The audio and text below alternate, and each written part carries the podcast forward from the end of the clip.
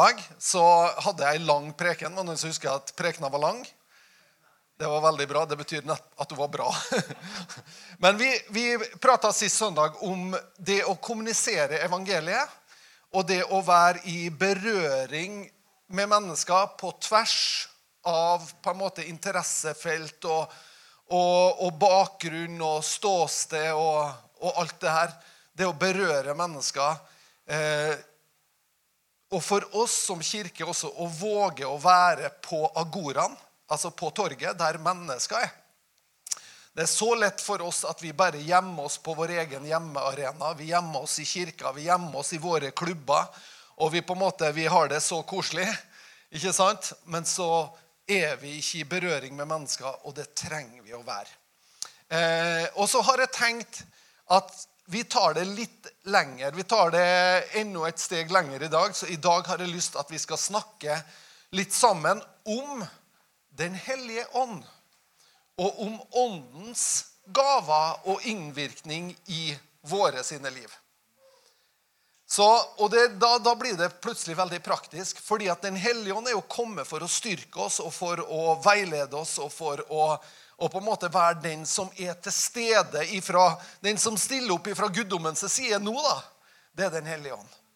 Eh, og da er det viktig at vi kjenner til noe om Den hellige ånd. Jeg har lyst til å utfordre en Per Ståle til å komme opp igjen. Så har jeg lyst til å stille deg noen spørsmål Per Ståle, og ha en liten samtale her i, i, i kroken sammen med deg. Supert. Han Per Ståle og jeg vi har en, en lang historie sammen. Eh, og vi jeg opplever det personlig at den storyen som vi har sammen, den handler også mye om opplevelser rundt Den hellige ånd. Eh, og kanskje nettopp i berøring med mennesker både som er troende, og som ikke tror. Vi har drevet en bensinstasjon. Jan Per Ståle. Han var sjefen min en stund. Og, så, og, så, og den perioden for min del var en skikkelig sånn læreperiode i forhold til å lytte og skjelne, altså på en måte skille ut litt hva den hellige ånd ønsker å si via oss til andre mennesker. Jeg legger det som grunnlaget. Forståelig, sant?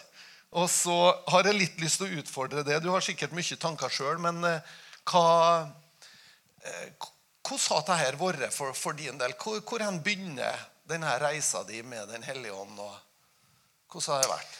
Ja, altså Det er noe litt vanskelig å si akkurat hvor det begynner. Men jeg tenker at det begynner kanskje med foreldre som bærer barna fram for Gud og velsigne ungene. Så, så, det er noe, det er et viktig moment. Uh, og så tenkte jeg da Ellen spurte meg, så tenkte jeg at det er viktig kanskje å ta en ørliten runde med, ta med ABC-en òg. Altså, høres litt sånn flåsete ut, men altså, det, er noe med, det er noe som er i grunnen for alt det med gavene som Den hellige ånd gir oss. da. Det tenker jeg. Men hvor jeg begynte hen, ja, det er noe rart. Altså, når jeg var, ja, vi kan ta det først. Da jeg var liten, så eh, Vi husker når eh, Jimmy Carter ble president, f.eks. Eh, det så jeg lenge før han ble det. Eh, og det ble bare en sånn sannhet i meg at det, han blir det, ja. så hadde jeg litt sånne artige så en på bildet og forskjellig, altså ikke i media, men jeg så en på soverommet mitt. og, og jeg ba for henne. og så var det Mye sånn spesielt kanskje da, for å være en liten gutt. da. Ehm, så det var nå kanskje noe. Og så etterpå så er det på en måte bare en sånn naturlig trang til at du ønsker å komme nær Jesus. Så jeg har egentlig hatt ei bønn i helt siden jeg var liten gutt. Ehm, Dette tror jeg ikke sagt at noen noen gang før, men jeg har bedt tusenvis av ganger på den måten her at uansett hva som skjer, så vil jeg være i lag med deg, Jesus. Det har liksom vært en sånn bønn som jeg har hatt i mitt liv hele livet. da. Uh. Jeg har litt lyst til å utfordre på historie, og bare for å konkretisere, Per Ståle. Eh, når vi drev bensinstasjon, så, så, var det jo flere ganger vi opplevde at Den hellige ånd var til stede for å, egentlig for å betjene mennesker som ikke var troende også. Har du noen historier du har tenkt på der? Ja, jeg tenkte på ei historie hvor, eh, hvor jeg Ja, jeg må virkelig si at Av og til så må du be Gud om tilgivelse òg, for at du ikke gjør det du skal gjøre. For at det flommer over av informasjon. For at Fra himmelen så er det mye informasjon som kommer sigende. Og en dag eh, så var det sånn. Forresten, la jeg begynne her. La Jeg begynne, eh, jeg vil begynne bare på den måten her. I 5. Mosebok. Så det her med å høre fra Den hellige ånd, det her å høre fra Gud, det er jo ikke noe nytt. Det er jo opphavet til hele livet. da.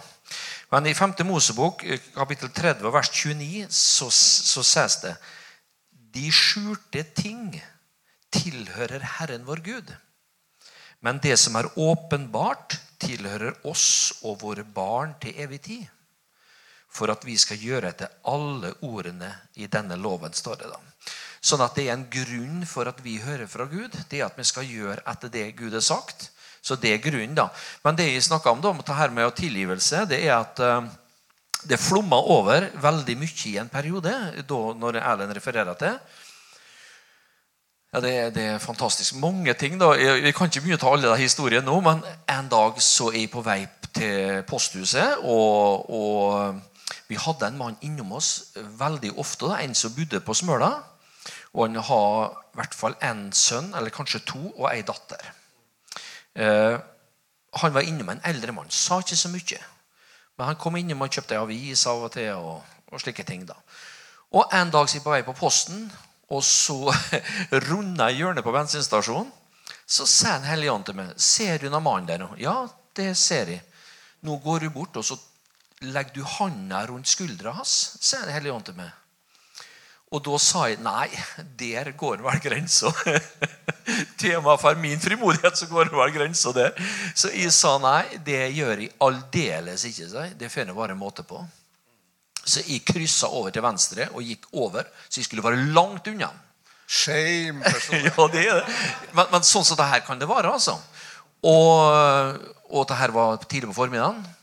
Klokka fire på ettermiddagen så fikk vi beskjed som ikke visste noe om, det var at dattera hans hadde dødd.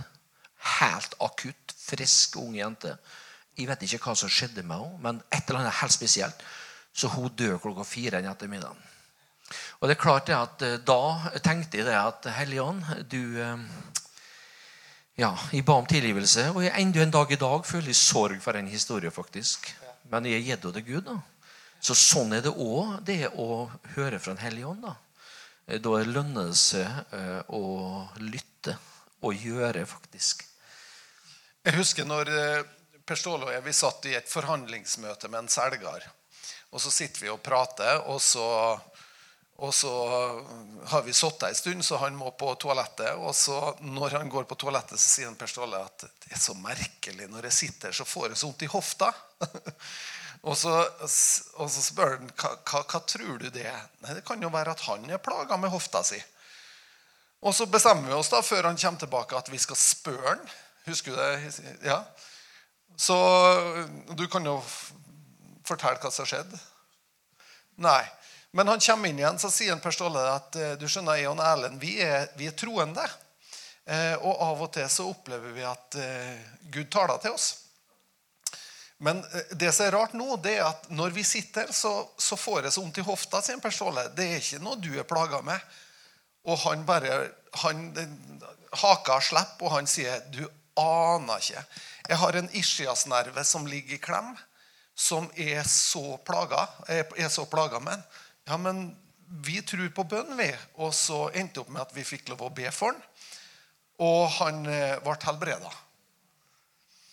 Og og Det er bare ei av de historiene om på en måte hvordan Den hellige ånd ønska å komme, og Den hellige ånd ønsker å berøre helt i hverdagslivet. Ikke med orgel og Hammond og uh, The Blood og alt mulig. Altså, du har ingenting bakom, men du har bare en visshet om at Jesus har sagt at han skal være med. Og mange sånne historier gikk det. Per Ståle, En gang så kom det en mann. Han har hørt om hva som skjedde på bensinstasjonen der. Han kom fra Averøy. Tok ferga den gangen fra Averøy. Husker du den historien? Ja. Jeg kan jo tilføye det at det var noe veldig bra at Erlend var på stasjon.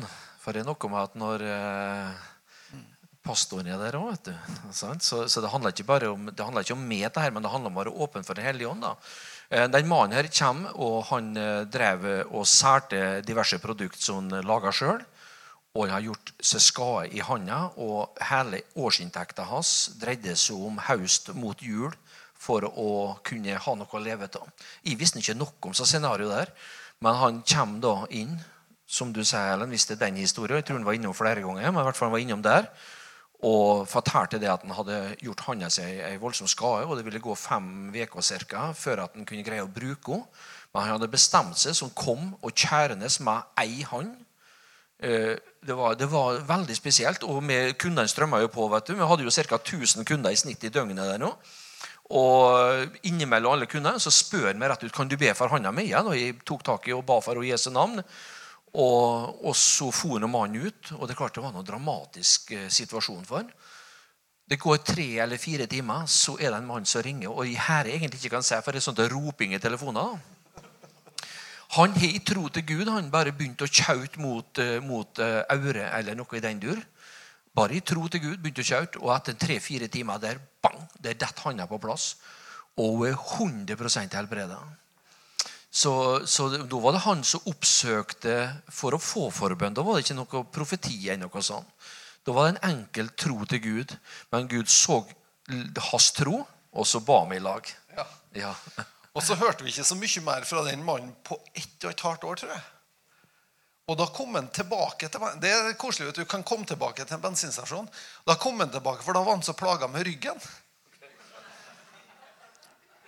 Og så, og så spurte han om vi kunne be for han, og så var vi på Vi tok, tok han jo med på bakrommet og ba for han. Men når vi ber for han, så plutselig så ser en Per Ståle og hører en Per Ståle. Plutselig sier en Per Ståle 'au!' Og han tar seg altså fysisk til øret. Og så spør han Du spor jo Det er ikke noe galt med øret ditt. Var, og så beskriver han Per Ståle det var som om noen stakk noe oppi øret mitt. Dette er en sterk historie. Og mannen han blir helt, han blir helt perpleks. Og så forteller han det at han hadde bare 30% hørsel på det øret. Og hadde opplevd under, i barndommen at han hadde fått et skrujern opp gjennom øret. Og det vet Den hellige ånd. Det er informasjon Den hellige ånd vet. Og Den hellige ånd informerer ikke oss om sånt annet enn fordi at han ønsker å berøre. Og han ønsker at mennesker skal oppleve at de er sett av Gud. Og det tenker jeg er på en måte det som må være overskrifta vår når vi tenker på de her tingene. Det, at det er ikke for at vi skal skulle ha heftige historier å fortelle, men det er for at Gud ønsker å berøre, og han ønsker å komme i kontakt. Ja, jeg kjenner i hvert fall det at jeg har lyst til å si ei historie til. Eh, Jeg var borti en Jeg har aldri vært borti en sånn situasjon før, og ikke etterpå. Til nå, da. Eh, Det var en, også en eldre mann som kom innom ofte og kjøpte avis med oss. Han var rundt en 80 år. eller slikt. Og Vi hadde så mye kunder innom, og han var veldig sånn, en fin, finere kar. tror Jeg Jeg vet ikke hva han har drevet med, men vi, jo, sier jo hei til alle sammen og hyggelig sant, når du driver forretning. Og han kommer inn, og vanligvis er det folk hele tida. Og så en dag så kommer han, og så sier 'Godt å se deg', sier han. Og da stopper han attmed kassen. Han står jo bare sånn en liten meter ifra meg, ikke sant? Og så. Men det her, det her er sterkt, altså. Og det her er helt sant. Så sa han til meg 'godt å se det', sånn. Ja, det var fint sagt, sånn. Men det som er saken, sånn, det er det at jeg har fått kreft, sånn. Og det sier han meg over kassa. Og det som er det forunderlige, at det er ingen andre i lokalet. Kun jeg og han. Og så um, Jeg er operert, skjønner du, sånn, her for en par uker siden. Det får du ikke sett med, da, sa han. Eh, Men jeg holdt på å dø på operasjonsbordet. sånn. Der forteller han over kassa. så det er klart at da har du altså, Den hellige ånd er fantastisk, altså. Og når han sier det, da begynner jeg å synge en sang til han. Og, tenkte jeg, og når, jeg begynte å synge, så tenkte jeg for meg sjøl Hva skjer nå? tenkte jeg. Så da er jeg altså utfor Da er det ikke jeg som styrer butikken lenger, men da er, jeg, da, da, da er det noe som begynner å synge, og så sitter jeg tilbake og så tenker jeg, eh, hva skjer nå? Og jeg begynner å synge 'Han velter alle dine veier, han leger alle dine sår'. Begynner å synge den gamle salmen. Og jeg begynner å nynne til den, og tårene hans begynner å komme. Og så sier han til meg ta var spesielt sånn. Du skjønner det sånn at Jeg er 80 år sånn, og bestemor har meg på fanget sånn. Jeg husker det så godt sånn. Jeg var kanskje en fire-fem år sånn. Og da sang hun den salmen til meg. Wow. Wow. Og da sier jeg til henne nå skal du få en kode sa jeg, i dag med meg. Og den koden heter Jesus. sa jeg. Så når du taler ut det navnet, sa jeg, så kommer du dit bestemor er. Og da snudde han seg, og han kom aldri tilbake igjen til oss. Eh, Det ble nok litt for sterkt for ham, men, men, men, men, men den frimodigheten der Ja, det, det er helt fantastisk å tenke på hvor En hellige ånd kan bruke oss i hverandre. Som sånn, Ellen, Det var ingen noe slag, men jeg bare opplever at det er noen som begynner å synge, men jeg sitter og tenker på hva er det du egentlig gjør. Ja. Så slik kan det òg være, da. Så bra. Eh, per Ståle, konkret hvordan Når du opplever at Den hellige ånd gir deg noe når han taler, eller hva som er, Ser du bilder? Får du fornemmelser? Hvordan opplever du? Er det forskjellig? Ja, det er litt forskjellig. Og eh, jeg har på en måte skrevet noen linjer. da. Hva består på en måte et profeti av, eller, eller det her litt overnaturlige? da. Eh, det består jo i grunn, grunnsettingen av kunnskapsord, som vi bruker å si i vårt språk. Altså spesifikke ting som ikke kan forklares naturlig. Det kan være et kunnskapsord. Så ikke du kunne hatt kunnskap om. Det er et kunnskapsord. Visdomsord det er jo en åpenbaring av Guds plan for det. Og så er det da gaven til å skjelne. Og den er vel den mest utfordrende, tror jeg, av alle de tre tingene. da. Både kunnskapsord, visdomsord og gaven til å skjelne. Og det kan gi seg uttrykk av at eh, eh, du kan lukte ting. Du kan se ting, du kan høre ting. Og mange mange har det sånn at når du åpner munnen din, så flyter det over, og du snakker. Og så tenker jeg av og til når jeg hører folk prate, så tenker jeg ta har du ikke av det sjøl. Ta er fra Gud. Eh, Men jeg for min del har det mest av at jeg kan se ting. Jeg kan se et levende ord, jeg kan se en situasjon. Eh, bilde og film og litt forskjellig sånn. Ja. Men det er ikke noe farlig, altså. Det er bare fantastisk. Eh, ja, jeg kan ta med det da. Vi bodde på Sørlandet i tre år. Og der, der var jeg på en måte i en litt annen situasjon enn i dag. Og der har jeg det på en annen måte. Der Før jeg tok bilen, og så kjørte vi på møte hver søndag. Pluss at vi var med i andre ting. Og på vei til møtet så fikk jeg dagens tale. Det taleren skulle tale over. altså. Så når jeg så til benkerne, så visste jeg på forhånd hva taleren skulle tale over. Og jeg tenkte mange ganger etterpå hvorfor skulle jeg vite det, liksom? Eh, det, var, det varte over ett og et halvt år. Hver søndag så visste jeg hva han skulle tale. Men jeg sa aldri det til noen, annet enn til Hernita. Det er bra, vet du. Artig. Og så kanskje sitter du her nå og tenker hvilken planet har de her landa ifra? Eh, men så flott, Per Ståle. Det er nydelig. Takk for den reisa vi har hatt så langt sammen. For meg så var det litt sånn at Per Ståle hadde prøvd seg litt, og, og da begynte jeg å spørre han da. Du, Per Ståle, det kom inn en liksom på stasjonen her nå, og så, og så fikk jeg sånne tanker om det. Plutselig når han kom inn, så fikk jeg vondt i nakken. Hva, hva tror du? Nei, det er sikkert at Den hellige ånd vil. Og så fikk jeg også lov å øve opp, for det er jo det liksom våge å trø ut og våge å øve opp frimodigheten. Og jeg husker Vi har en kar også som var en sånn vanlig kunde. Han kom inn en dag, og da var det en stund siden jeg har sett den. Og så sier jeg, når han kommer inn døra, så sier jeg Eller så får jeg en tanke, da. Eh, når han kommer inn døra, så får jeg bare en tanke, og, og tanken er eh, ekteskapsproblem.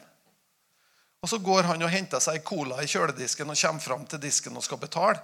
Og hva gjør du da? Du er ikke på et kristent møte. Du kan ikke liksom Ja, det er noen her i kveld nå liksom, så ja, sliter i ekteskapet, eller noe, så kan jeg komme fram. Men du, liksom, du må bare avgjøre hva jeg gjør Og så i det han så bare tenker jeg at ja, sånn kan jeg gjøre det. Så når han kommer fram til kassa, så sier jeg hei, lenge siden jeg har sett det. Du har ikke tid til en kopp kaffe, da? Ja, det var koselig, sier han da. Og så, og så får jeg noen andre til å ta kassa og går på bakrommet sammen med han. Og vi sitter i to minutter sitter vi og prater før han forteller at han sliter i ekteskapet sitt. Og da, er, og da, kan jeg da gå inn og så kan jeg styrke han, så kan jeg på en måte peppe han altså, i forhold til ekteskapet. Hva? Hva? Lyden bare for Ja, det ble litt eh, Sånn at da, da, er det liksom å gjøre det Men det å våge, da, og, og, på en måte Jeg tror ikke man trenger å være veldig bastant. Og det tror jeg at man er viktig at man ikke er, for da opplever det, oppleves det truende. da. Men vi kan samtale med folk, og så kan vi finne ut av Stemmer det her nå? Ikke sant? For at Hvis vi tar på oss mørk røfst liksom, og går, liksom, eller endrer toneleie Noen går opp i, nesten i falsett 'Så sier Herren!' Ikke sant? Og så serverer vi noe. Det blir så fremmedgjørende. Og så blir det veldig bastant. Og det tror jeg er, mye, mye bedre for oss også. At vi slipper å oppleve at vi må være så bastant, at vi må være så skråsikre. Liksom.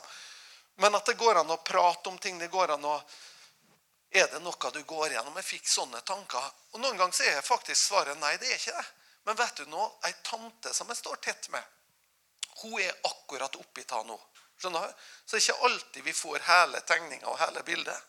Men noen ganger så, når vi er i samtale med folk, så vises det litt etter hvert. Ja, det er bare helt sant. Det er ikke skummelt, ikke farlig i hele tatt. Det er bare fantastisk å kunne ha fokus, for det er viktig å ha fokus.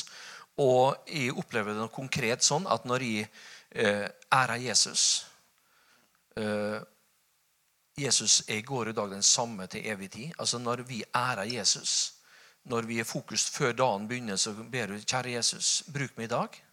Hjelp meg i dag. Eh,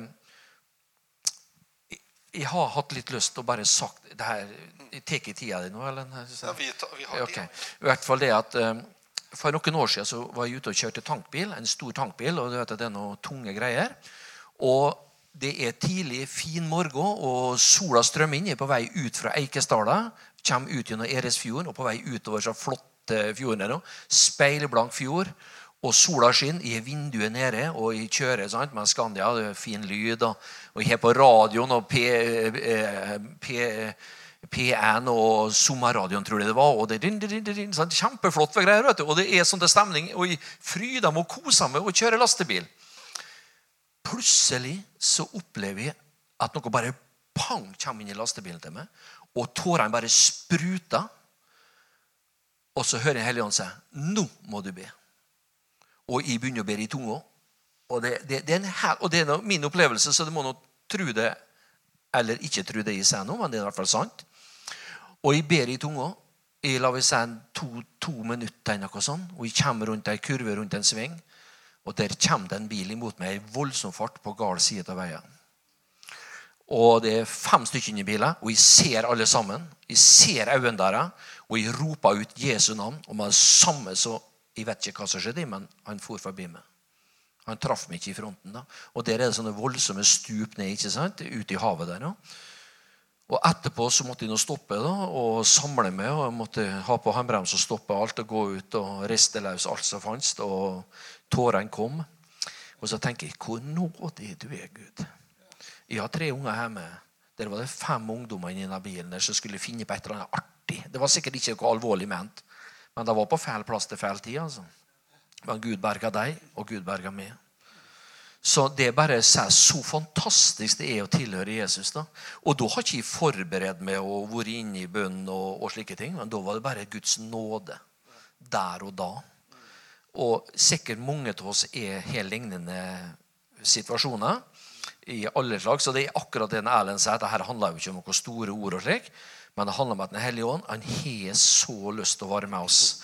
Jesus sa det jo sist han sa. Se, han gir med dere alle dager inntil denne verdens tidsalders ende. Han sa jo det at han skulle være med oss hver dag inntil denne tidsalders ende. Og det, det, er viktig, da.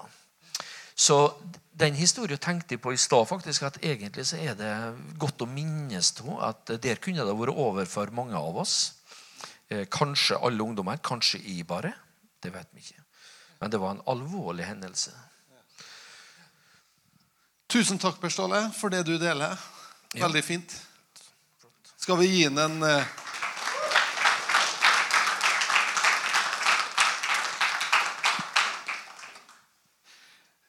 Jeg har sagt det til fordi at, nettopp fordi at det opplevdes for min egen del så opplevdes det veldig viktig å ha noen som jeg kunne kaste litt ball imot når jeg opplevde ting sjøl.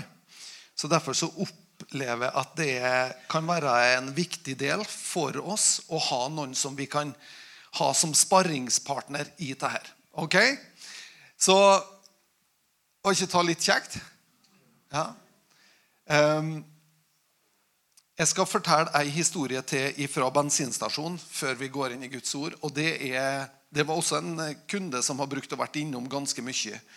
Og En fredag eh, litt utpå ettermiddagen så kommer han, han kommer helt opp til disken. og eh, Vi kjenner han, han har jobba i bank, og jeg kjenner han som en litt kvervulant.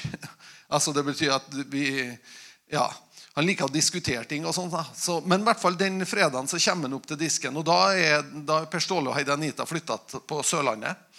Eh, og, og, når det står der, Plutselig så kommer han og så forteller han hvor fortvila han er. Han er plaga med ryggen sin. Eh, han har en historie, han har sagt opp jobben sin i bank for å begynne i Nordsjøen.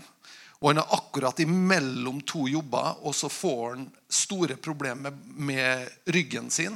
Så han detter imellom all form for både eh, sykepenger og dette mellom alt. Og stor fortvilelse. Og, og, og, har vært innlagt i Trondheim, vært innlagt i Ålesund for å prøve å reparere på denne ryggen. Men, og så forteller han alt da, og Sånn kan det bli. Det forverrer seg. Så kona har gått fra han. Han har gått helt i kjelleren. Og jeg tenker, hvorfor står du og forteller ta til meg? Og jeg torde ikke å spørre om jeg skulle be for den, for jeg kjente den som en sånn som gjerne kom i diskusjonsmodus. da. Så jeg husker jeg bar den hele den helga. Så bar han litt i mine bønner når jeg tenkte på denne mannen. Så bar han i bønnene mine. Og Så ringte en Per Ståle og så sa jeg, husker han mannen. sier til en Per Ståle, Kan vi ikke ta og be for han? Kanskje kommer en anledning der jeg kan si noe mer, og så kan, eh, og så kan vi få en åpning. Og da, så, og da kom mandagen, og da var jeg ute på en runde. Jeg var i banken og posten. og sånn, og så akkurat når jeg kommer opp igjen til stasjonen, kommer til, rett utom hovedinngangen, eller hoved, ja, inngangsdøra, da, så, så kommer han ut. Og jeg tenker ok, Helligånd, nå har vi anledninga. Og så står vi med ryggen mot stasjonen, jeg og han, og vi står og prater. Og står egentlig og prater om alt mulig da, og ingenting. For jeg bare vil ha anledning. da. Så jeg står der, Sikkert vittig syn, men jeg står der, og så smyger jeg handa på ryggen på han. Så legger jeg handa, og så sier jeg til Den hellige ånd Hellige ånd, jeg sier ingenting. Men han skal få lov å komme tilbake og fortelle hva som skjedde. Så ikke ber jeg høyt for han, jeg bare holder handa. Og han bare Hva gjør gjør? Det er ikke noe farlig, i hvert fall, sier jeg. Så fortsetter jeg å prate. Og så, og så går dagene, og så blir det torsdag igjen, og jeg er midt i kavet i alt det jeg holder på med. Da kommer han inn, denne eh, kunden kommer inn fra vaskehallen på bensinstasjonen, og, og han sier bare litt sånn morsk i blikket. Så sier han 'Erlend, jeg må prate med'. Og jeg tenker, og jeg liksom går gjennom registeret så tenker jeg, har han kjøpt en bilvask han ikke var fornøyd skjønner Du er sånn helt i det daglige. da. Og, og, så ja, ja, et lite øyeblikk sier jeg, og så gjør jeg meg ferdig med en annen kunde og, og, og, tar imot han, og så sier han nå må du fortelle meg, hva gjorde du? Hva gjorde du på mandag? Altså Her har jeg vært i Trondheim, jeg har vært innlagt i Ålesund. De har prøvd å funne ut alt, og de har ikke kunnet hjelpe meg. Og så legger du handa på meg, og så er jeg frisk. Smertene er borte. Hva er dette her? Og så fortalte han hva det var. Jeg fortalte han hva evangeliet var. Jeg fortalte han hva Jesus har gjort for han. Og så står han der og så, det var nesten vittig, for han står der og sier det ene, nå har det eneste jeg har, jeg har litt vondt i, i, i, hofta mi, det eneste jeg har, men ellers er alt borte. Så han var, han var helt der. da. Og jeg, og jeg, blir jo frimodig og sier ja, men da tar vi smertene i hofta òg, sier vet du. Så jeg går fram. da. Og jeg står der sant, og legger hendene på hofta hans og, og, og bare ber om at Den hellige ånd skal fordrive den smerta òg.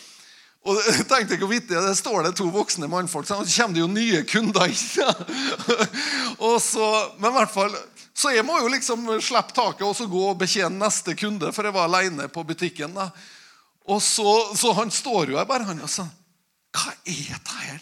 Det er som jeg kjenner kraft gå opp og ned gjennom beinet på meg, sier han. Så det er hans sitt møte med evangeliet. Og jeg møtte den her, det er jo en del år siden, men jeg møtte den her nå i vår. Og han sa jeg glemmer aldri den opplevelsen. Jeg glemmer aldri den opplevelsen. Så det er på en måte det som alle de her historiene handler om. Det er at himmelen ønsker å berøre. Himmelen ønsker å vise mennesker hvor konkret og håndpåtakelig Guds kjærlighet er. Noen gang kan det være helbredelse. Andre gang kan det være ord av visdom inn i en situasjon som folk trenger. Sant? Andre gang kan det være bare ren oppmuntring. Og så kan det være snakk om at man trenger å oppleve mirakler og forskjellige sånne ting. Så ok, nå i dag så er vi i denne verden. ok? Så når vi går inn i, i, i, og skal se litt inn i Guds ord, så er det denne verden vi er i i dag. Ikke sant? Og er det uvant, så er det helt i orden. Men bli med meg litt inn i denne verden, for at Guds ord eh, omhandler det. Kanskje du eh, kan få lov å oppleve det at du får litt mer forståelse, og det er kjempebra. Kanskje noen av dere har mye forståelse, men bare trenger en liten puff for å komme ut i det. Vi begynner da i, og vi skal bevege oss bare litt ned gjennom 1. Korinterbrev, det tolvte kapitlet, og ifra vers 1. Når det gjelder åndens gaver, søsken, vil jeg at dere skal ha kunnskap om dem. Står det i den norske, nye norske oversettelsen fra ja, 2011. Jeg vil at de skal ha kunnskap om den, og om åndens gaver. 88-oversettelsen står det at 'jeg vil ikke at dere skal være uvitende om åndens gaver'. Altså uvitende på den måten at de er uten kunnskap og kjennskap. I engelsken så står det at vi ikke skal være ignorant. At vi ikke skal ignorere eller gå forbi eller på en måte ikke tenke at dette er viktig. Men når ordet kunnskap brukes, så er det ikke kunnskap på den måten at kunnskap Ja, jeg veit om, ja, jeg kan dem alle på rams. Men det er mer kjennskap det handler om. At vi kjenner til det her. Eh, som, som det handler om. Jeg tror at vi kan tenke som så. Og jeg har lyst til å utfordre til å tenke som så. Himmelen taler hele tida. Akkurat på samme måte som du opplever ikke det akkurat nå, men hvis du har tuna det inn, så har du kommet til å fått inn Radio P4. For de sender signal hele tida. De signalene de bryr ikke du deg noe særlig om før du tuner inn på radioen og eventuelt trykker på at det vil jeg høre på. Da tar du signaler. Men signaler er rundt oss hele tida. Akkurat på samme måten så tar det på en måte Gud hele tida. Ofte så er vi som troende vi er litt bakpå. Vi er litt bakpålent. Vi er liksom helt der. Ikke sant?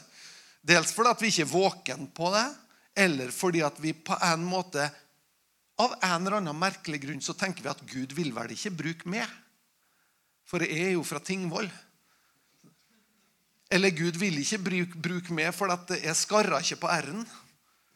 Eller, altså Vi har mange unnskyldninger på at Gud ikke Eller den mest vanlige unnskyldningen er jo at vi ikke er bra nok.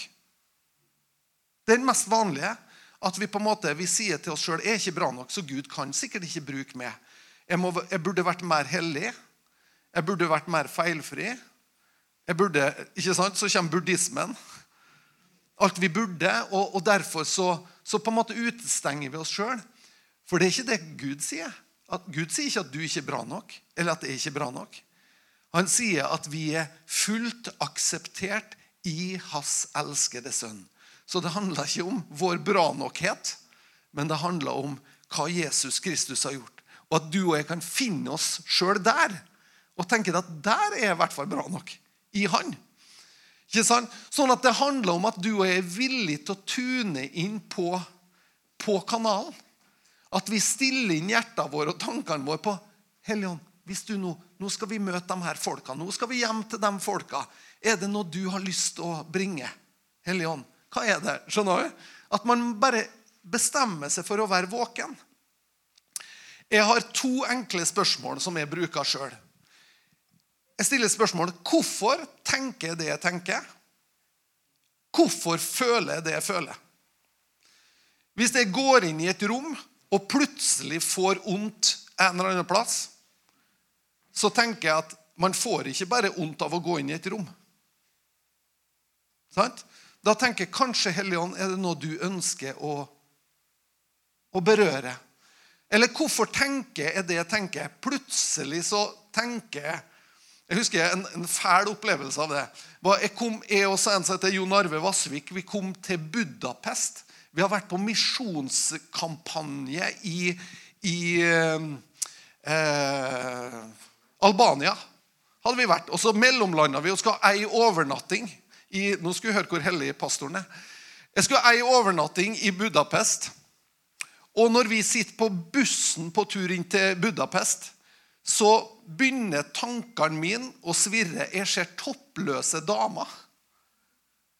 For, og jeg liksom og jeg blir, jeg blir jo liksom Og jeg tenker liksom Det var litt av en misjon her, liksom. Hva tenker du på etter misjonsturen? Og jeg følte at liksom hva er, hva, Jeg følte meg litt sånn Oi da, hva, hva ta, Hvor kom det, kom, kom det Det er jo ikke unaturlig på Det er ikke det jeg prøver å si, men liksom det var Og jeg kjente meg sånn jeg kjente meg at nå var jeg på tur nesten inn i litt sånn Jeg følte meg litt sånn Det var dårlig, Ellen, at du er Jøss, er du der? liksom Fantiserer om det. Men så tenkte jeg ja, merkelig òg. Så jeg sa det da til en Jon Arve. Så sier jeg Jon Arve, det er så rart jeg sitter Plutselig så begynner jeg å tenke på toppløse damer. Hæ? Du òg, sier han. Og da skjønte vi aha, da skjønte vi at det her handler jo ikke om oss. Det handler om hva vi møter. Og når vi kommer inn til Budapest, og vi skal, vi skal være der den kvelden, så ser vi det toppløsbare overalt. Skjønner vi at det her handler om hva som ligger over byen? Det handler ikke om oss. Men da kommer det som en tanke.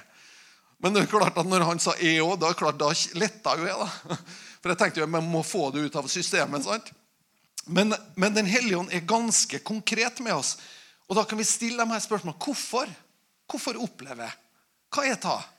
Vær litt sånn spent. For det, det hebreerbrevets forfatter sier, det er at dem som ved øvelse har oppøvd sine sanser og så står det om å modnes i Gud. Å være moden til ikke bare melk som føde, men fast føde. ikke sant?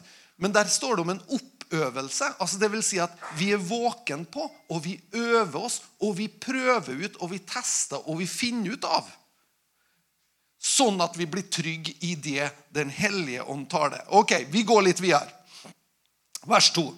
Dere vet at dere var hedninger, eh, dere som var hedninger, Eh, ble viljeløst revet med til de stumme avgudene. Derfor kunngjør jeg for dere at ingen som taler i Guds ånd, sier 'forbannet er Jesus', og ingen kan si 'Jesus er Herre' uten i Den hellige ånd.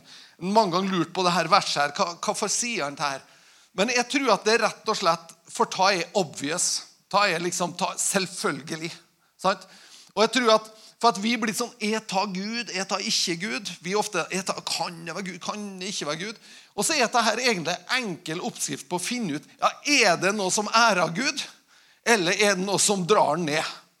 Det er enkelt. ikke sant? Og det kan vi forholde oss til. Er det Gud, er det ikke Gud? Hvordan kjenner jeg, hvordan vet jeg? Så enkelt er det. Er det her noe som sier 'Jesus er Herre'? Noe som peker på Han? Eller er det noe Hvis det er noe som ja, hvis jeg gjør det her, da kanskje, kanskje, jeg, blir, kanskje jeg blir kristen berømt. Ja, jeg, hva med som er herre da? Ja, Da er du herre. Da er mest trolig, Hvis det er liksom det, det, som kommer i, i bakevja, så er det mest trolig ikke Gud. bare for, ikke sant? Men så enkelt er det. Taler det Jesus er Herre, eller taler det det motsatte? Hva er det det taler? Og hvis vi kan si ja, men det her, det taler faktisk det, og da kan vi være trygge på at det er han. I vers 4 så står det eh, Det er forskjell på nådegaver. Eh, I en oversettelse står det at det er mange nådegaver. Men ånden er den samme. Det er forskjellige tjenester, dvs. Si at vi er ulikt utrusta som mennesker. Men eh, Herren er den samme. Det er forskjell på kraftige virkninger, men Gud er den samme. Han som er virksom og gjør alt i alle. Og så står det om hver enkelt av oss. Hos hver enkelt gir Ånden seg til kjenne slik at det tjener til det gode. Og det er det Den hellige Ok. Første korinterbrev, det tolvte kapitlet, fra vers 1 og utover. Så det som åpenbares, eller hos, eh, hos hver enkelt gir Ånden seg til kjenne slik at, de, at det tjener til det gode. Når Den hellige ånd ønsker å gjøre noe, så ønsker han alltid å gjøre noe som er til det gode for mennesker. Skjønner? Den hellige ånd kommer ikke liksom for å, å, å lage spetakkel eller, eller, liksom å herje med folk eller å, å skjemme ut folk eller å, å nedverdige folk. Den hellige ånd kommer til det gode for mennesker. Så det Den hellige ånd kommer med, vi trenger også å tolke det til det gode. Skjønner du? For at når Den hellige ånd taler kanskje bare ett ord, så er det noen gang vi kan tolke det ordet til det negative. Kanskje ordet i seg sjøl er negativt, men Den hellige ånd kommer med det til det gode. Et eksempel er for eksempel når Jesus møter denne kvinnen ved Sykarsbrønnen. ikke sant? Og så sier, hun, sier han til henne, 'Gå og hent din mann.' Sant? Gå og hent mannen din. Og så, og så sier dama, 'Jeg har ingen mann'. Og Så sier en Helligånd til, til Jesus, eller hvordan det nå fungerte for Jesus, det vet jo ikke jeg. Men så, så, på en måte opplever Jesus det at Nei, sant er det du sier. Du har ingen mann, for du har hatt fem menn, og han du har nå, han er heller ikke din mann. Så hun holder på med greier, ikke sant? Men Jesus han løfta denne dama, sjøl om på en måte åpenbaringa var negativ. For Jesus ønska å løfte Jesus han ønska å berøre det punktet i hennes sitt liv som gjorde at hun hadde behov for å få bekreftelse av ulike menn. Skjønner? Så når Den hellige ånd kommer med noe, så er det alltid til det gode for mennesker. Og vi trenger å lære oss også å tolke til det gode. For noen ganger når vi møter mennesker, så kanskje vi opplever kampen deres. Kanskje det er det som kommer til at vi opplever kampen deres, ting de står i, som er tøffe ting. Men hvordan kan vi tolke det til det gode, da? Når vi setter oss med noen, eller når vi setter oss ned og prater, hvordan kan på en måte det som i utgangspunktet er negativt Jo, det at Gud ser mennesker, og at han ønsker å lede dem ut i det gode. Ønsker å helbrede og bringe liv inn. Uh, ok, Da skal vi gå inn og se på gavene konkret. For ved en og samme ånd, i vers 8, eh, ble det gitt én å tale visdom, eller visdomsord, som vi også kjenner til. Visdom det er typisk når du ser Jesus De bringer fram for Jesus denne dama som er, som er grepet i, i ekteskapsbrudd. Og de sier, Loven sier at vi skal steine henne. Hva sier du? Og så sier Jesus, ja, sett ned og skriv. Vi kjenner kanskje historia. Og så sier han, 'Den av dere som er uten synd, kan kaste den første steinen'. Det er typisk et visdomsord inn i situasjonen. Hvem er det bildet av på mynten når det er spørsmål om tienden? Ja, Gi da keiseren det som er keiserens, og gi Gud det som tilhører han. Det er visdom inn i situasjonen.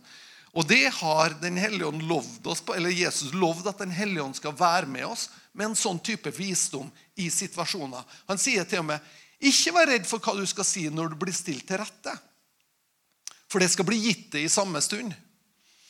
Eh, visdomsord det kan være at du tar det inn i livet til mennesker med en visdom som er mer enn din egen. Du tar kanskje løsninger, du kanskje ser noe, kanskje du får et ord, og så tar du noe som er mer enn det du sjøl kunne, kunne formidla. En annen å formidle kunnskap, står det. Jeg syns den er litt svak, men men vi kjenner som kunnskapsord, og da er det gjerne at du får kunnskap som du ikke har i det naturlige. Det er en åpenbaringsgave. Det er typisk det som en Per Ståle kjente på når han fikk vondt i hofta. Så er det et kunnskapsord. Den hellige ånd på en måte highlighter noe, noe for å berøre mennesker. Og jeg opplever, Når jeg får kunnskapsord om ting, så er jeg veldig frimodig. fordi jeg tenker at Den hellige ånd har aldri lyst til å sladre til meg. liksom om noe bare for å sladre. Jeg syns det var fint at du visste at han hadde vondt i hofta. liksom. Men da er det fordi at Den hellige ånd ønsker å gjøre noe til det gode for det mennesket. Ikke sant? Jeg husker eh, når, jeg, når jeg, eh, hadde begynt som predikant, så kom lærerinna mi. Kom, altså Som jeg hadde fra første til, til fjerde klasse. Og da tenker alle 'nåde være med henne'. liksom. Men hun kom, og for hun tenkte at må, når Erlend har blitt predikant, da må jeg høre på han i hvert fall. Så hun kom på møte, og jeg preka. Jeg husker ikke hva jeg preka om, men når jeg gikk og hilsa på henne etterpå, så tok hun handa, og når jeg tar henne i handa, så begynner det å pipe i øret mitt. Så jeg sier, 'Eldrid, har du problemer med øresus?' Ja, hvordan visste du det? Det har jeg hatt helt siden i sommer, så jeg har vært plaga med øresus. Ja, men det var sånn, når jeg tok det i handa, så begynte det å pipe i øret mitt. Men jeg tror ikke det var bare for at jeg skulle vite det. Men jeg tror at det var for at Den hellige ånd ønska å helbrede. Og så ba vi, ba vi for henne, eller la henne på og så forsvant øresusen. Så, så noen ganger kan det være det er kunnskapsord. Altså Du får kunnskap som du egentlig ikke har. Du kjenner, du kjenner eh, Jeg skal bare ta en Per Ståle som et eksempel. Han kommer ut på denne bensinstasjonen, og der står det en kunde og fyller diesel. Og Han bruker å være der mange ganger, men den dagen står han i kjel, eh, han er alltid i kjeledress. Men den dagen så er han finkledd. Og når Per Ståle går bort til ham, så ser plutselig så ser han Per Ståle knærne hans. Og så ser han at det er som det brenner over knærne hans. Så går han bort til han og så spør han, du er så ild over Jeg husker ikke hva du sa, det husker jeg ikke, men han spor, og så sier han ja, jeg har betennelse i en ene kne. Per Ståle sier du har ikke bare ene, du har i begge. Og Han, var, han hadde problemer med å bevege seg, og han skulle til Trondheim og greier. og greier. Men Per Ståle legger hendene på han og ber for han. Eller klokka halv åtte om morgenen. Den hellige ånd er våken. Ja. Og så Han setter seg i bilen og kjører til Trondheim. og Før han har kommet til Trondheim, så ringer han tilbake på stasjonen og forteller at smertene er helt borte. Det er kunnskapsord. Og det er for det, og hva tror du denne mannen føler når klokka er liksom kvart på elleve og han begynner å nærme seg Trondheim? Han føler at Gud har sett meg. Og når mennesker opplever at Gud har sett meg, da opplever de seg elska. Så det her er redskaper som Den hellige ånd gir oss for at vi skal vise Guds kjærlighet. En, eh, eh, en får ved den ene ånd en spesiell trosgave. En annen får nådegaver til å helbrede. Trosgave, hva er trosgave? Det er jo på en måte når Jesus står foran grava til Lasarus så er det, litt, det er trosgave. Når du hører Jesus si at 'Far, jeg veit at du alltid hører meg.' Ikke sant? Men pga. de andre her nå, så er det kjekt at jeg ber høyt. Det er nesten der han er. ikke sant? Og så tar den til Lasarus om at Lasarus skal komme ut av grava. Det er en spesiell trosgave. Og Noen, kan, noen ganger kan trosgaver være mye altså Det er jo voldsomt og stort. Men noen ganger kan trosgaver være veldig praktisk. Men du ser bare du ser noe. Og det du ser, det på en måte Oi, det så jeg. Jeg husker en gang, jeg, et, jeg har ikke opplevd det så mange ganger, men opplevd, vi sto utafor Vi hadde en bil. Og så hadde bilen frosset, og, og vi kom ikke inn. Og så hadde han som eide bilen, han hadde lagt da låssprayen. sant? Er, den, den skal liksom ikke ligge i hanskerommet, for da gjør den lite nytte når bilen først fryser. Eh, men han hadde lagt den i, i bagasjerommet, han da. Så vi sto der, det var midt på vinteren, og det var iskaldt, og vi, og, og, og, vi kom oss ikke inn i bilen, for den var frosset. Men akkurat når han sier det til meg, for han skulle egentlig gå ut og fyre opp bilen, og når jeg kommer ut, så, så sier han det at det, og så har jeg vært så dum at jeg har lagt låssprayen liksom i, i, i bagasjerommet. Men når han sier det til meg, så ser jeg bare jeg ser et bilde, og jeg ser meg sjøl stå bak bilen med løfta hender sånn. Og så ser jeg at jeg bare slipper hendene rett ned på bagasjerommet. Det ser jeg. Og så går jeg bak bilen, og så gjør jeg Du føler ikke veldig lur, vet du. Men jeg gjør det jeg ser, så jeg på en måte tenker at ja, men jeg har tro, det, da gjør jeg det. Og jeg står der og løfter begge hendene og slipper begge hendene tungt på bagasjerommet på bilen. Og når jeg løfter hendene, så, så går den opp. Får vi tak i låsolja, og så får jeg Bryr Gud som sånt? Jeg tror Gud syns sånt er artig. jeg. Jeg tror han har skikkelig sansen altså, for å, å, å være med oss. Og for meg så er det på en måte, det var, det var tro. For meg så var det tro. Men det kan være småting. Og så har vi nådegaver til å helbrede. Ulike typer nådegaver til å helbrede. Det står i flertall. Og det skjønner vi jo hva det er. Noen kan på en måte være sterk i helbredelse på enkelte områder, andre andre områder. Noen kan ha veldig det her med smerte, f.eks. At det, det opplever mange helbredelser på. Mens andre har andre typer som de opplever helbredelser på. Så det, er, det, er, det skjønner vi, for det er litt sånn Men jeg, jeg tror det er viktig også å tenke på indre helbredelser når det står ulike nådegaver til å helbrede. Så er det også indre helbredelse. Kraft til å gjøre under. Det er jo vann til vin og sånne ting. Det er jo det er, det er, det er kraftige ting. Eh, men det er nydelig, det er nydelig også når mirakler skjer. Gave til å tale profetisk. Eh, det, kjent, det er jo kanskje også mer kjent. Men det å få et ord, eller det å tenke Våge å tenke, da. At Den hellige ånd ønsker å tale til mennesker. Og våge å si, Hellige ånd, hva ønsker du å tale til han eller hun jeg har ved sida av meg? Skjønner du? Altså ikke spør har, altså Vi er mer der da at vi spør Helligånd, du har sikkert ikke noe du har lyst til å si nei. Og jeg håper i hvert fall ikke det, for jeg tør ikke å si noe. I stedet for at vi har den innstillinga, kan vi ha den innstillinga Helligånd, hva ønsker du å si? Kanskje en Helligånd bare sier Bare oppmuntre henne. Bare oppmuntre henne. 'Å, så fin bukse du har.' Eller bare, altså Det kan være så enkelt. Men andre ganger kan det være spesifikt. Så kan det være på en måte sånn at Men det er det som oppleves når Den hellige ånd taler profetisk. Hva står det om? Om noen taler profetisk i menigheten, da skal de falle ned og si Wow, Gud er sannelig midt iblant dere. Er ikke det Paulus sier her? Når vi taler profetisk, så bringer det med seg en opplevelse av at Gud er her midt iblant oss. Og det er noen gang, i hvert fall Hvis menneskene ikke er troende, eller sånn, så er det å oppleve å få et ord en sånn sterk opplevelse av at du er sett av Gud. Det at Gud han kjenner adressa di, han veit hvor du bor. Han ser det som rører seg. Jeg satt her I vinter så satt jeg på flyet sammen med ei dame fra Kristiansund. og jeg satt og snakka litt med henne eh, først. og Hun fortalte meg at hun skulle på, til Spania hun skulle på julehandel.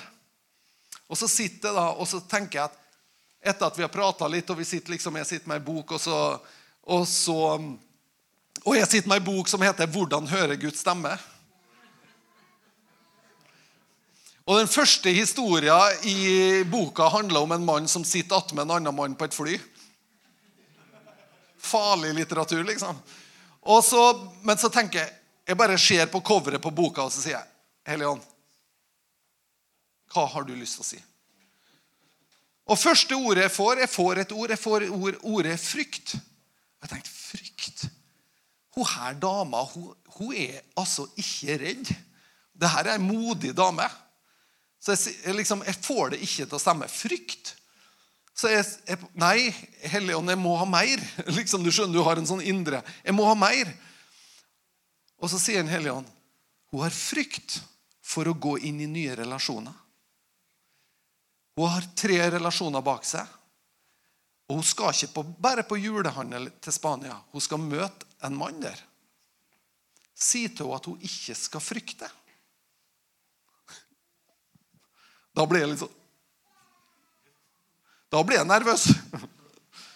Så du liksom begynner å hinte. Ah, du vet, eh, du vet at jeg vet du, er jo er sånn som ber til Gud og greier. ikke sant? Altså liksom, ja, og, og så sporer om han hadde noen lyst til å si det. Og, og bare ett spørsmål først.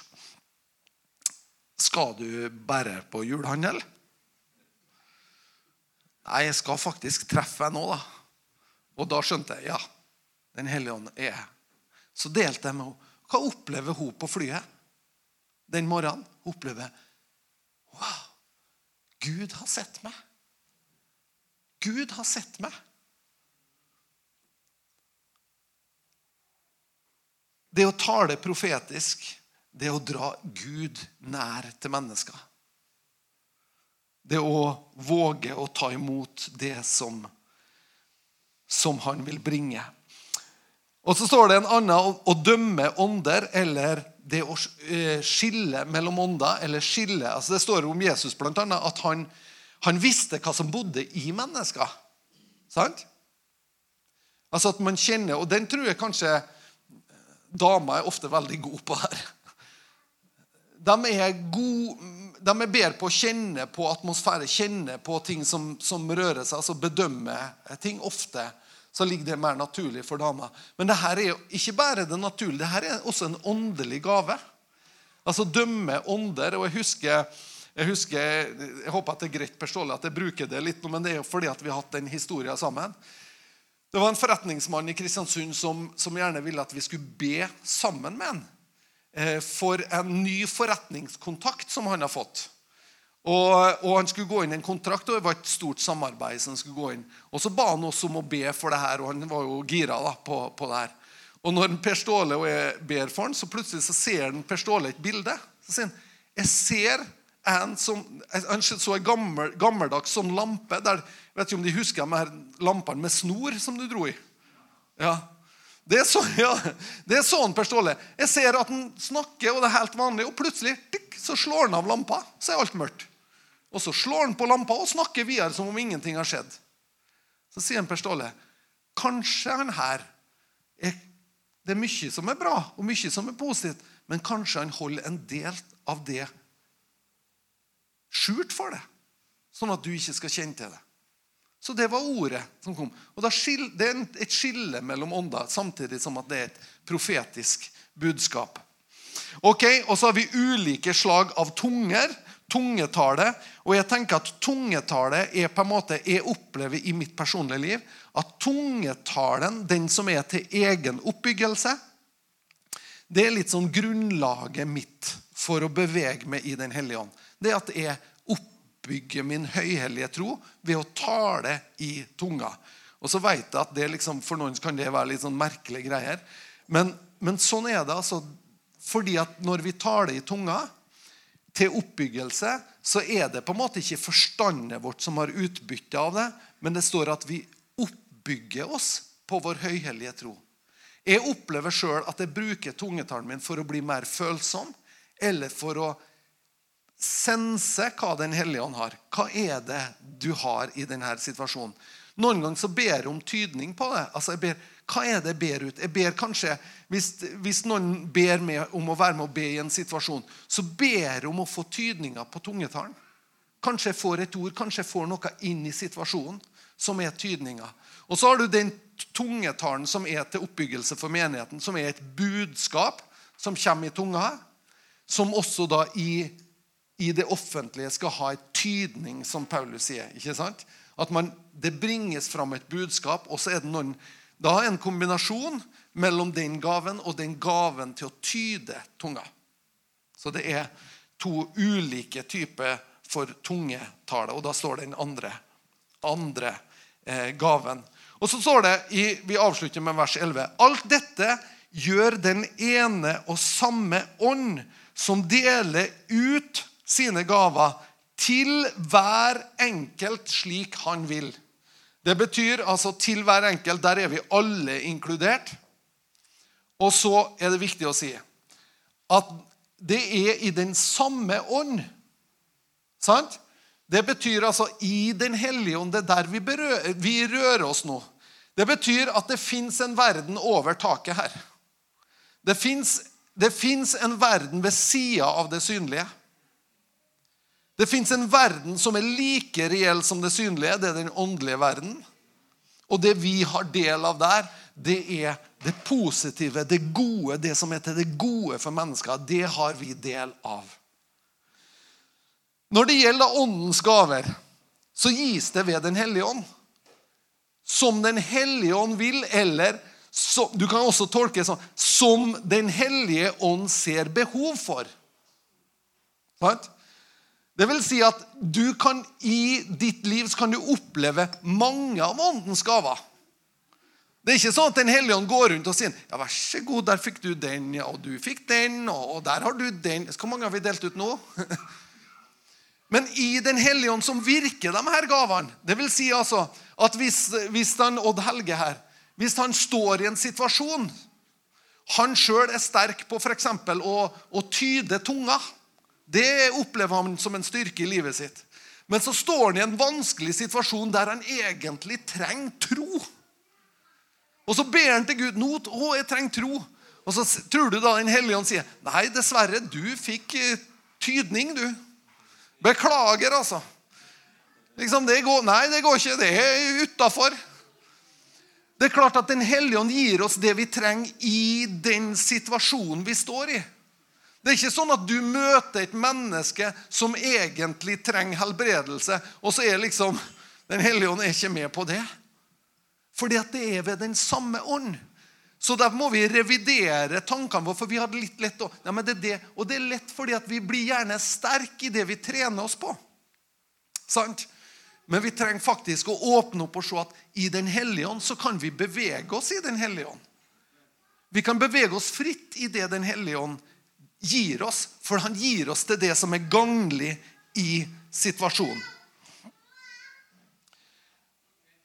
Vi skal gå mot avslutning, og da tar vi det i Johannes, det femte kapittelet i Johannes. Og Jeg har bare lyst til at vi bare tenker det her som et innblikk i hvordan Jesus hadde. Hvordan hadde Jesus det? For vi kan, Enten kan vi tenke på Jesus på to måter. Enten kan vi tenke på Jesus som Guds sønn. Altså Hvis vi tenker på Jesus som Guds sønn, så må vi samtidig tenke at Supermann har kommet til planeten i jorda. Må vi ikke det? Og det gjorde han jo. Men han kom som menneske. Han kom ikke som Supermann. Han ikledde seg menneskelig skikkelse. Han ikledde seg det menneskelige. Han la det guddommelige til sides. Og han ble et menneske, kjøtt og blod, sånn som du og jeg. Det var ikke sånn at Jesus, hvis han var i vanskelige situasjoner, liksom, kunne han trykke på Guds sønn-knappen på liksom, Supermann-drakta si. Og så fikk han noe Nei, han var et menneske sånn som du og jeg. Og Det er derfor han også sier at 'jeg har disipler som jeg lærer opp til det samme'. Jeg gjør ikke det jeg gjør ut ifra jeg er Guds sønn. Jeg gjør det ut ifra jeg er et menneske fylt med Guds ånd. For hvis ikke vi tenker det, så kan vi heller ikke tenke Jesus som forbilde for våre liv. Er du med meg? For hvis han var Supermann, kan vi bare glemme Da kan vi bare applaudere og synes så stilig Jesus, kult, wow. Men da må vi ta bort alt han sier om at dere skal gjøre de samme gjerninga. Det viser dere nå. Det er dere som skal være bærere av det her. Men frukt av det han sa, og det du så i disiplene sine liv, det var nettopp det at han var ikke Supermann, men han var et menneske som vandra med Den hellige ånd. Så det vil si at Jesus måtte også få input Jeg vet Det kan være en utfordrende tanke, men jeg tror hvis vi skal følge Jesus, hvis han skal være vårt forbilde, så er vi nødt til å tenke det at han var et menneske under samme vilkår som oss, dog uten synd. Uten det som brak, brakte inn sperrer, uten det som forstyrra. Men det betyr heller ikke når, når det står at Jesus han ble prøva i alt, i likhet med oss. sant? Så betyr det han var ikke Guds sønn som ble prøva i alt. Han var mennesket som ble prøva i alt. Det var liksom ikke sånn at Jesus jeg kom ned, liksom, ja, kjør på med litt prøvelse her nå, så vi får haka ut lista. Nå, ja, nå er vi, er vi snart igjennom, liksom. Det var reelle ting han opplevde, akkurat sånn som du og jeg. Det var ikke sånn at han syntes at det, det, at, ja, men, det der var en lett prøvelse. Det var prøvelser. Skjønner du? Altså, Han levde som menneske. Det var, det var det, Han var vårt forbilde. Og Da står det om Jesus da, i Johannes 5, og vers 19-21. Jesus svarte og sa til dem, sannelig, sannelig sier jeg dere, sønnen kan ikke gjøre noe av seg selv. Hører jeg? Kan ikke gjøre noe av seg selv. Det vil si, han hadde ikke superkrefter. Sønnen kan ikke gjøre noe av seg selv, men bare det han ser Faderen gjør. For det han gjør, det gjør sønnen likedan. Eller likeså. Så Jesus hadde det sånn. Det er det han beskriver for oss her. Jesus, hva er på en måte, Hvordan får du tak i det du opplever tales inn i ditt liv? Jeg ser det. Jeg ser det framfor meg. Jeg, jeg, så, jeg så, Når jeg gikk nedover der Kanskje, kanskje han så Betastadammen. Kanskje han så den ene som en helbreda der. Hvordan i all verden kom du på Jesus og spytte i marka og laga en deig og gni på øynene? Det var det jeg så. Skjønner du? Det var det Jeg gjorde bare det jeg så. Syns du jeg er litt slem nå? At Jesus hadde, Det er det han beskriver. Jeg ser det, og så gjør jeg det jeg ser. For Faderen elsker Sønnen og viser han det han selv gjør. Og han skal vise han større gjerninger enn disse, for at dere skal undre dere. For like som Faderen reiste opp, de, reiser opp de døde og gjør levende, slik gjør også Sønnen levende dem han vil. Når Jesus reiste opp døde, så gjorde han det fordi at han først så det, at Faderen gjorde det. Så Jesus var der. Han var tuna inn. Han var maksimalt tuna inn. Og han viser oss ei vandring som jeg og du kan faktisk be om at Den hellige ånd leder oss inn i. For Den hellige ånd er den som veileder oss til alle ting. Kjell Otto, kan ikke du komme opp og så ta klaveret? Heter det klaver, Kjell Otto? Mm. Jeg håper at denne talen har utfordra deg. Jeg håper at, at du på en måte tenker om deg sjøl. At det her må jo også være tilgjengelig for meg. I en eller annen form. Jeg håper det vekker en lengsel i det. Både det vi har samtalt om, og det vi har delt nå. Jeg ønsker at det her skal bli så naturlig for oss. At det her er daglige vitnesbyrd iblant oss. Gud gjør ikke forskjell på folk. Ja, men du Erlend, du er pastor. Det er ingen forskjell. Pastor er, det er bare noe greier, det. Først og fremst så er troende. Sant? Og det er det vi alle er. Vi er troende. Og disse tegn skal følge dem som tror. Ikke pastorene som tror. Ikke dem som liksom er sånn, dem som er fulltid, eller dem. Skal følge dem som tror. Det her er hva Den hellige ånd har lyst å gjøre ute i våre hverdager, på våre arbeidsplasser. Så ønsker Den hellige ånd berøringspunkt til det gode for mennesker. Skal vi stå opp sammen?